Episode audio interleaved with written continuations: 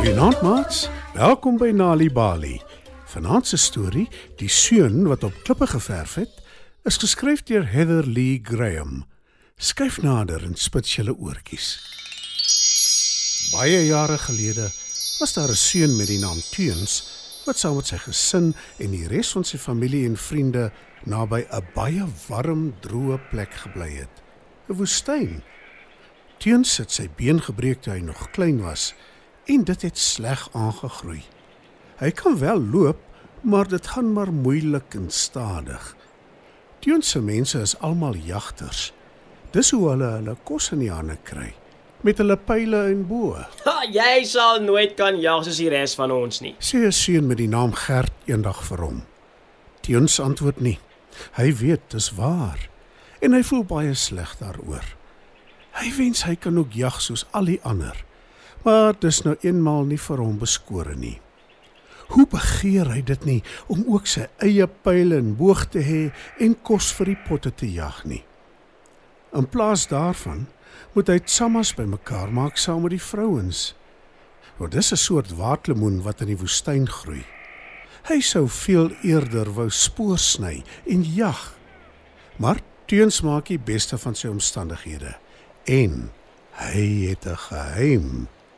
Hy soek die mooiste en gladste rotse en klippe uit en dan teken hy op hulle. Hy gebruik 'n veer vir 'n kwas en hy maak kleure aan in 'n hol springbokhoring. Daarvoor gebruik hy allerlei plante. Hy teken die diere wat hy in die woestyn sien. Tot dusver het hy al skilpaaie, elande en geitjies geteken. En toe op 'n dag toe Teuns alleen is en net van plan is om te begin teken, hoor hy stemme. Gegroet teens. Teuns skrik groot. Hy herken nie die stemme nie en hy wonder hoe hulle sy naam ken. Hy draai om. Voor hom staan daar die grootste voël wat hy nog ooit gesien het of liewer hy dink dis 'n voël. Die dier het vere, maar dit het ook lang bene en 'n lang nek. Teuns is seker as dit 'n voël is, dit nooit sou kan vlieg nie. Daar is ook nog 'n dier langs die voël wat hy nog nooit gesien het nie. Die dier is uitslik groot en dit het groot ore en die langste neus wat hy nog ooit gesien het. Gegroet. Antwoord Teuns in 'n bewerige stem. Moenie so bang lyk nie. Ek is 'n volstruis. En ek het myself nog nooit behoorlik gesien nie. Sal jy my teken sodat ek kan sien hoe ek lyk? Sê die vreemde voël. Ek sal probeer. Antwoord Teuns. En ek is olifant.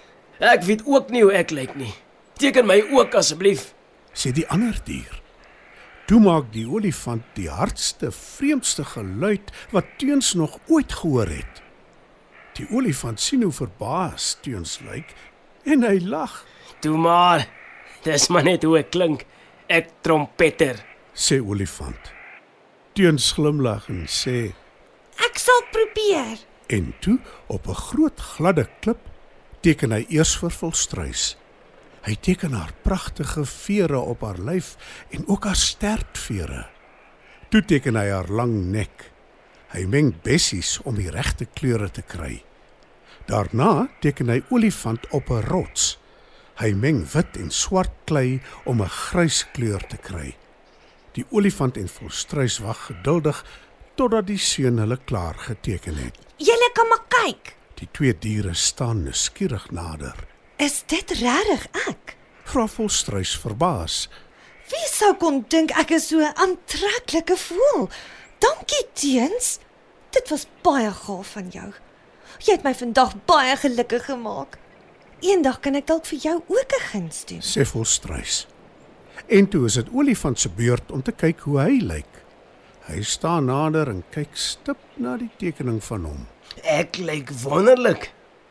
En vreesaanjaend. Ek het regtig groot ore, nê. En kyk my lang tande. Dankie teens. Jy is 'n ware kunstenaar. Ek sal ook vir jou 'n guns doen in die toekoms, dit beloof ek jou. Sê olifant. Teuns glimlag en sê: Dis 'n groot plesier. Ek het dit geniet. Om diere op klippe te teken is my die heel lekkerste ding op aarde. Baie dae en weke gaan verby. En toe op 'n dag daag daar 'n besoeker op by Teuns en sy mense se blyplek.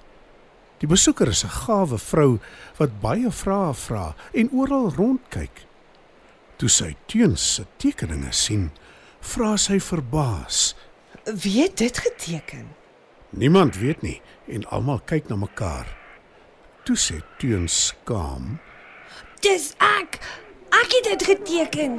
Almal se oë rek groot van verbasing en hulle wonder hoe dit moontlik is dat so 'n skaam jong seun sulke pragtige tekeninge kan doen.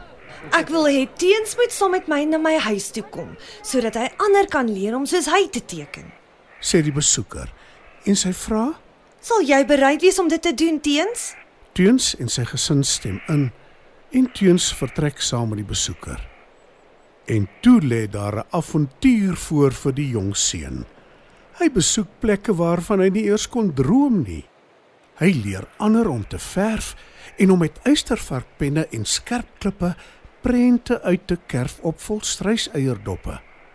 Ook die see en kan sy oë nie glo dat daar so baie water op een plek kan wees nie. Hy teken prente van bote, iets wat hy nog nooit van tevore gesien het nie, op 'n groot klip. Teens geniet elke oomblik, maar hy verlang ook huis toe. Hy maak skulpe bymekaar om saam met hom huis toe te vat om vir sy mense te wys.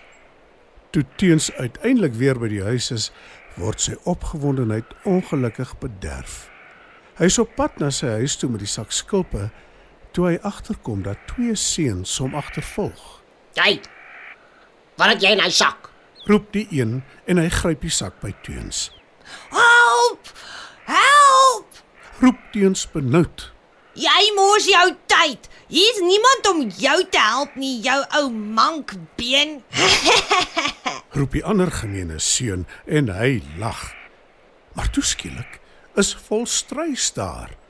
Sy storm op die seuns af en klap haar vlerke verwoed. Ek is hier. Los teens uit en gee terug sy sak. Roep volstruis en sy skop die twee seuns met haar lang bene. Die twee laat val die sak en kyk verskrik na volstruis. Dankie dat jy my gehelp het. Sê Teens verlig. Natuurlik. 'n Belofte is 'n belofte. Antwoord volstruis. En net toe verskyn Olifant ook op die toneel. Hy trompeter hard en jaag die twee seuns wat nou so vinnig weghardloop as wat hulle bene hulle kan dra. Olifant tel teens op met sy lang neus wat teens intussen uitgevind het 'n slurp genoem word en dra hom huis toe. Dankie dat jy my gehelp het. Sê teens en Olifant antwoord. Natuurlik. 'n Belofte is 'n belofte. Teens is baie bly om sy gesin, sy familie en sy vriende weer te sien. Hulle sit almal om die kampvuur en hy vertel hulle van al die plekke wat hy gesien het en die dinge wat hy gedoen het. Na ruk staan Gert op. Hy maak keel skoon en sê: Teens.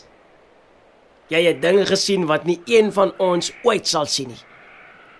Sal jy dit vir ons wys? Ek wens ek kon. Antwoord Teens. En Gert sê: Maar jy kan. Jy teken pragtige prente op klippe. Dis hoe jy ons kan wys. Ja, natuurlik. Antwoord Teens. En dis presies wat hy toe doen. Hy teken alles wat hy gesien en ervaar het en deel dit met sy mense. Dit was dan nog 'n Nali Bali storie. Die seun wat op die klippe geverf het, is geskryf deur Heatherly Graham. Die storie is aangebied deur die Nali Bali leesvergenotveldtog in samewerking met SABC Education. Sjoe, mamma, ek het nog nooit so baie boeke saam gesien nie. Mag ons enige boek leen waarvan ons hou? Ja, seun. Dis waarvoor openbare biblioteke daar is. En die heel beste van alles is enigiemand mag boeke by die biblioteek lees. Enige volwassene kan 'n kind se liefde vir lees bevorder deur saam met hulle kind of kinders openbare biblioteke te besoek.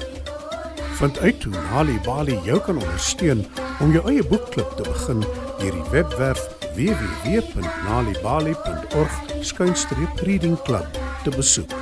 Nali Bali. Dit begin met 'n storie.